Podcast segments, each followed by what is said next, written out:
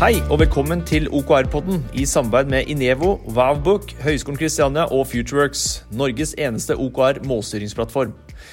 OKR-podden er for deg som er nysgjerrig på OKR og ønsker å lære mer om mål og virksomhetsstyring. Vi eh, vil diskutere alle aspekter og utfordringer knyttet til OKR, og du vil få en god blanding av diskusjoner, intervjuer med folk som har praktisk erfaring med OKR. Abonner på OKR-podden i Apple Podcast, Spotify eller der du hører på podkast. Og om du har spørsmål eller eh, andre tanker og refleksjoner, gå inn på OKR-podden og kommenter. Velkommen til OKR-podden, podkasten for deg som er nysgjerrig på OKR og målstyring. Jeg heter Carl Philip Lund. Eh, jeg jobber i Inevo på Høgskolen Kristiania. Og sammen med meg i dag har jeg som vanlig Kim Lennan, og jeg jobber som daglig leder i Futureworks. Ja, og i dag går vi rett på sak, for i dag skal vi gjøre noe som eh, er utrolig viktig når det gjelder OKR, og det er såkalt eh, retrospektiv. Eh, eller refleksjon. Hva, hva, er egentlig det, Kim? Og hvorfor er det viktig? Nei, jeg tenker at uh, Først og fremst begynne med hva OPR er jo en lærende prosess, en utviklingsprosess. Og den viktigste delen av selve prosessen er jo den, det som måtte avsluttes med på slutten av en syklus. Og det er jo det som uh, vi kaller det nå, retrospektiv læringen. Altså hva er som har hva er det som har skjedd det siste kvartalet? Hvilke resultater har vi oppnådd? Kort og greit vareopptelling eh, vareopptelling på de resultatene vi har fått til. Og læringen som vi tar med oss når vi skal gå inn i et nytt, en ny syklus. Ja. Vil jeg vel eh, si det er. Ja.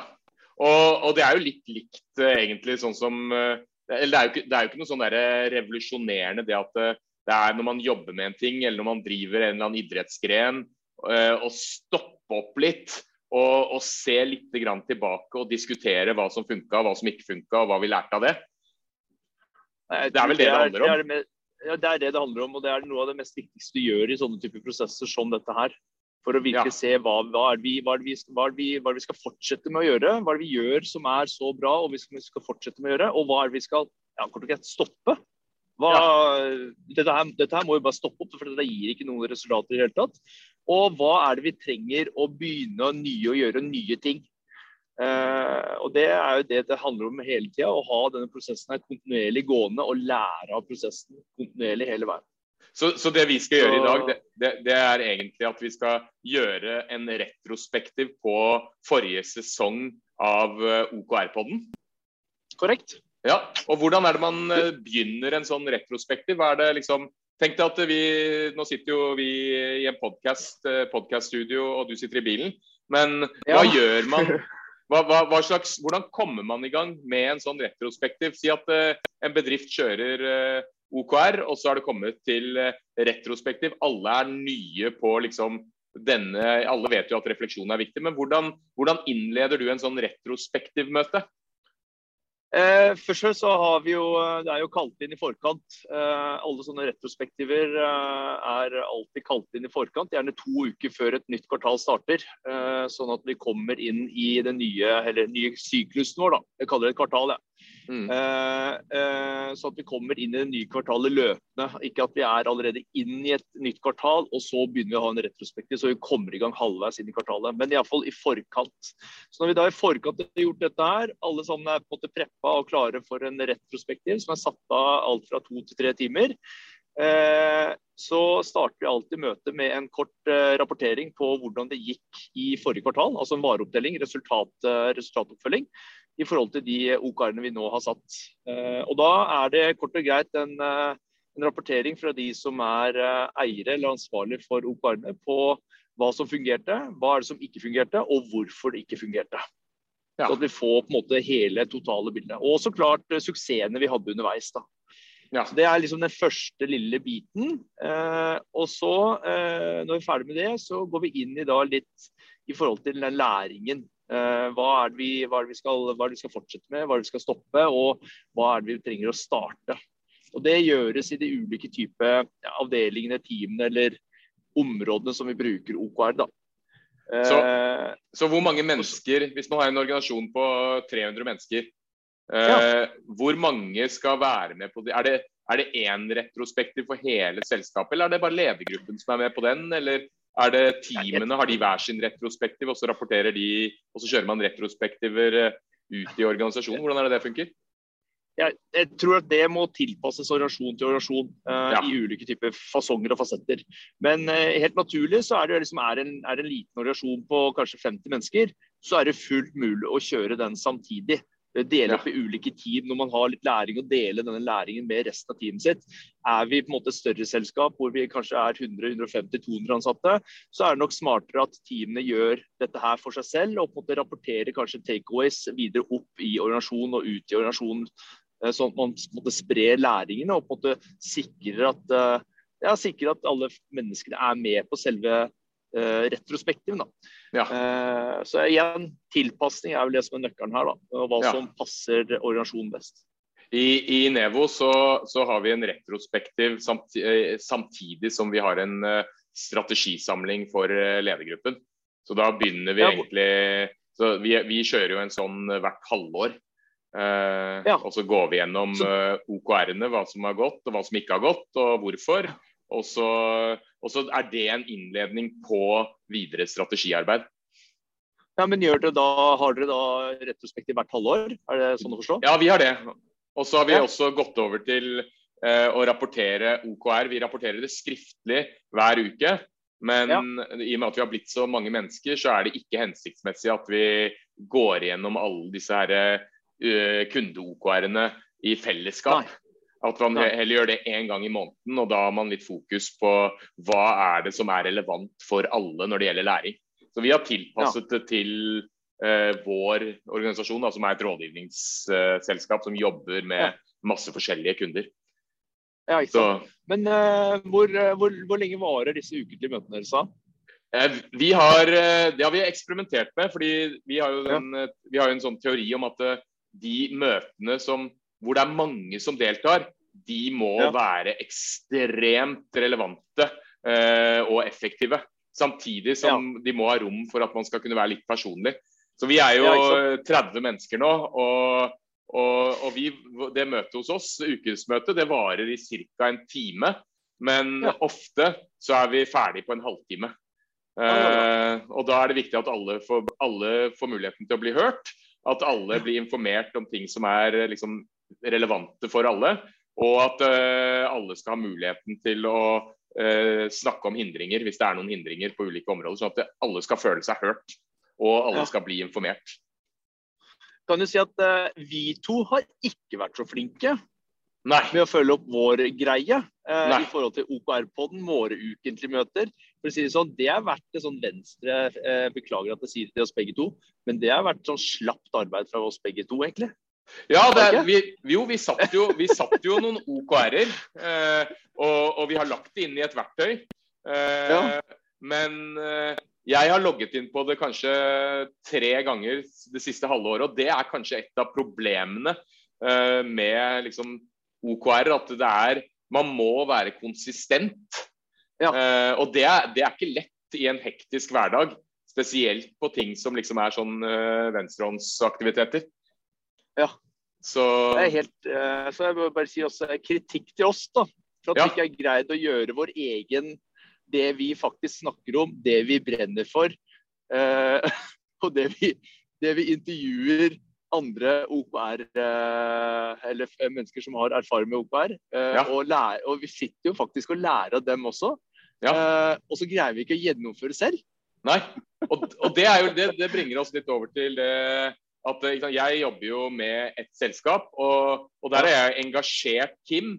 Selv om jeg kan mye om OKR, jeg kan liksom hva som er de viktigste prinsippene, og jeg, jeg har jo undervist i dette her, men eh, jeg klarer ikke eller det er veldig greit å ha en ekstern person som kommer inn den lille halvtimen hver uke og, og holder i det. Det er litt sånn som å, å drive med trening på treningssenter, at uh, noen mennesker trenger en PT eh, for mm. å liksom komme i gang. Uh, eller en venn, en, en, person som du har en avtale med på et tidspunkt som det er litt flaut å utsette, flytte osv. Så, så, det å ha en ekstern fasilitator, det er utrolig nyttig.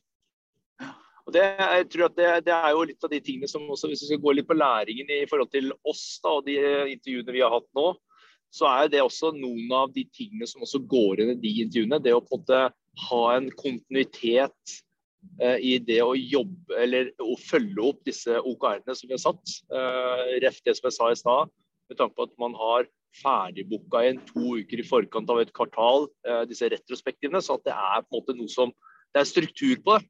Mm. Det er en struktur, og vi kommer sakte, men sikkert også inn i en vane.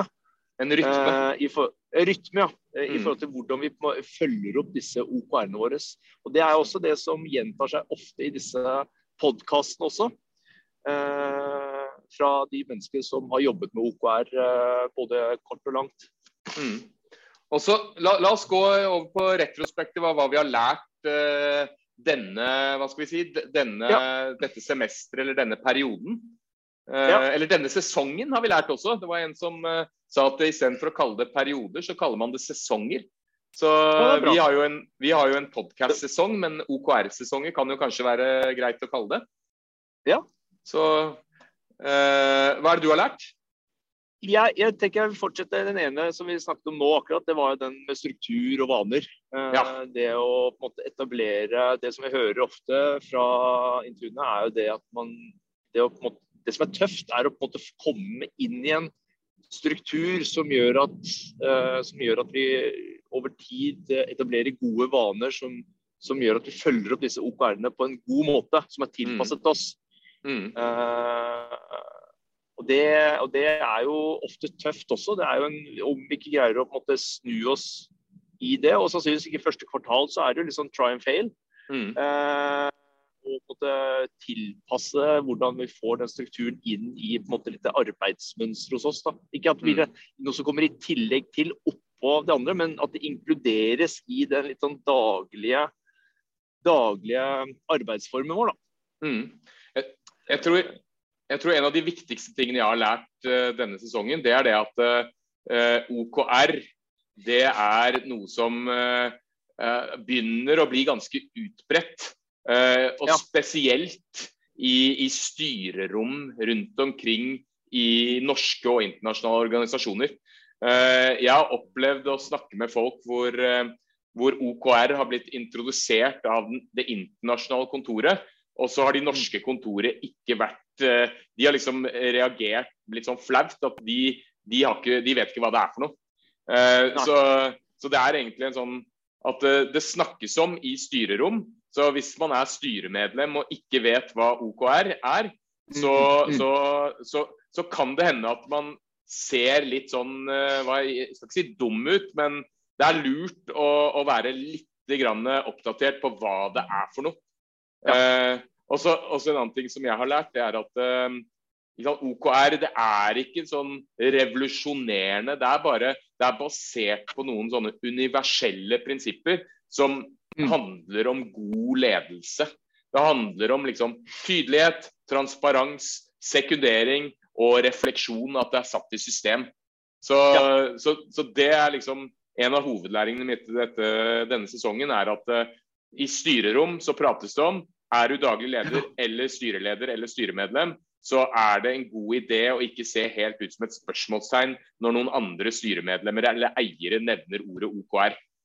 Ja, og jeg, jeg, tror jeg, vil, jeg, støtter den 100% og jeg, jeg har snakket med til og med investeringsselskaper som ja. også har vært interessert i, i OKR. For det, kommer, det, knytter jo gjerne mye av disse investeringsselskapene sitter jo ofte i styrer. Mm. Eh, og vil ha en innsikt, vil iallfall anbefale til sine investeringsobjekter i forhold til eh, her har det et styringsverktøy eh, mm. på hvordan dere kan styre opp og følge opp strategien i selskapet. Eh, så jeg støtter den 100 eh, mm. Det er ting som OKR er jo ikke noen ny greie. Det har jo eksistert i mange år. Eh, ja. Og, og, det å på en måte kjenne til prinsippene til det, og kjenne til liksom formen i forhold til hva som er hensikten med OKR, det tror jeg er viktig både, i, både på orasjon og ikke minst også i en ledergruppe, og så vel som i en, et styrerom. Ja, Det har jeg også lært litt Ja, sorry. Fortsett. Men, ja, men fortsett du, Philip. Ja, det, En annen ting som jeg opplevde her om dagen, det var å snakke med en eh, leder i som vokser ganske fort. Ja. Eh, og, og, han sa en ting om eh, vår, eller min profesjon, da, som handler om digital markedsføring. Han sa at ja. de fleste digitale markedsførere kan ingenting om økonomi og regnskap.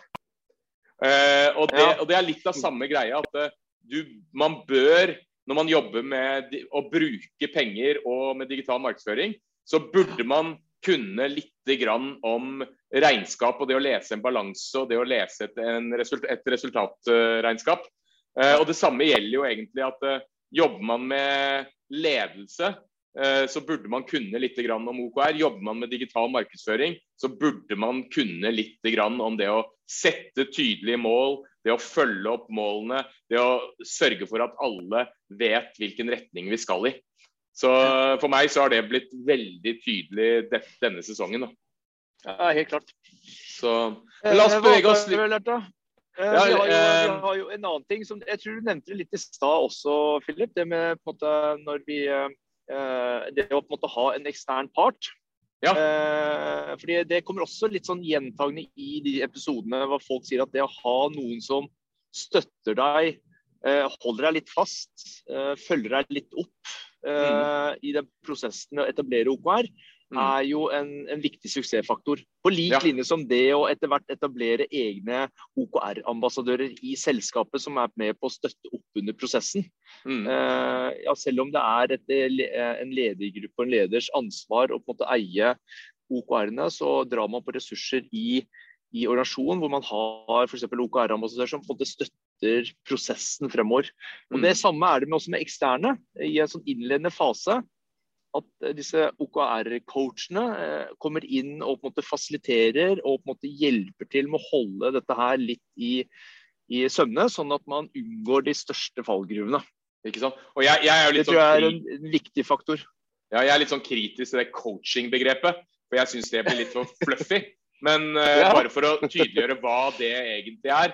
Jeg tenker at Når man begynner med OKR i en bedrift, så er det viktig at uh, styret og ledergruppen får en liten sånn uh, introduksjon til OKR. og da det å liksom lese seg litt opp. Så jeg har, jeg har delt ut den boken til han John Dore, 'The 'Measure What Matters'. Og jeg vet jo at ja. folk ikke leser, jeg vet jo at folk flest ikke gidder å lese boken.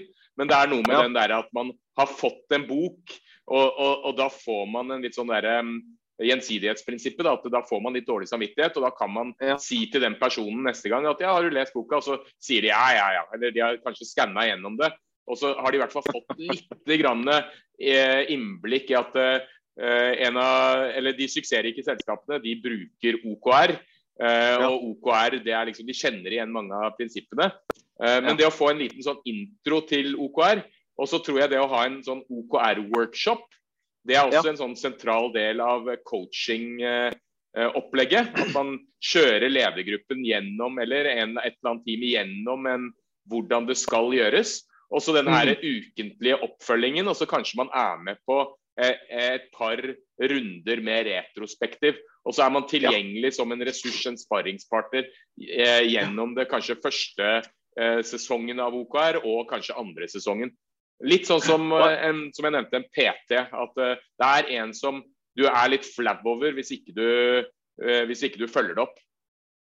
Og Samtidig så er det viktig å bemerke seg at uh, når man har en ressurs inne, så tror jeg det er viktig at den ikke ressursen skal være der for lenge. fordi Da etablerer man feil vane ved at man har et støttehjul som man støtter seg hele tida på. Ja. Mer da som en sånn sekundær, fordi at dette er en prosess som må eies av organisasjon, altså ledergruppen og de som faktisk jobber med OKR. Så det blir den vanen som etableres. Så jobben til da en fluffy OKR-coach, som du kalte Philip, er jo da å gjøre seg selv overflødig. Ja, og en god coach uh, er jo ikke en person man blir avhengig av. Nei.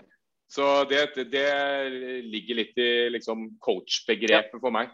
At uh, hvis, uh, hvis, en coach jobber liksom for å låse seg fast i organisasjonen, så har de bomma.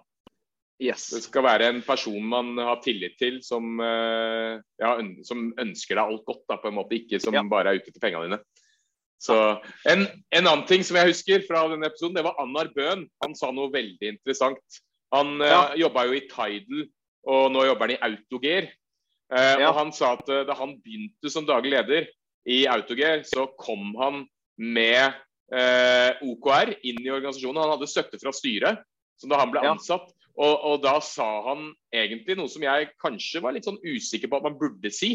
Men han sa at uh, vi skal innføre OKR, og det kommer ikke til å forsvinne. Nei. Uh, og det er Det er jo farlig å tvinge noe på noen. Fordi det kan føre til at man dreper engasjement. Men mm. god ledelse handler jo om å være ekstremt tydelig. Så jeg er helt sikker på at Annar sa ikke bare det. Jeg tror nok han uh, forklarte hvorfor. Og, for det er jo viktig å forklare hvorfor man gjør noe, når man først gjør noe. Men uh, det at han sa at det kommer ikke til å forsvinne, det gjør at uh, da tilpasser folk seg. Så den graden av tvang, det tror jeg er litt viktig. Ja, og det, og den, det tror jeg liksom, Vi støtter også den Annar i det utspillet der, og det du sier der, Philip. fordi at eh, Pål Kristen Rønvik i en NIF Digital, som vil være vår første eh, for Norges idrettsforbund, vil vil være vår første intervju i sesong tre. Han sa også noe av det samme. Han var ekstremt tydelig at OKR-er, det er det vi skal drive med, og det er det vi skal jobbe med. Og det er det vi skal måle, drifte, altså få strategien ut i selskapet på. Mm. Og, eh, og han var ekstremt tydelig på akkurat den biten her. Og han var også veldig tydelig på det å bruke et verktøy for å disrupte litt uh, uh, disse prosessene, mm. arbeidsflyten på OKR-ene. Få dette her inn i virksomheten. Mm. Eh, og, det har, eh, og, det, og, det har, jo gått, uh, gått uh, kjempebra. Uh, og ikke noe stor motstand i det. Det var noen spørsmål og forståelse.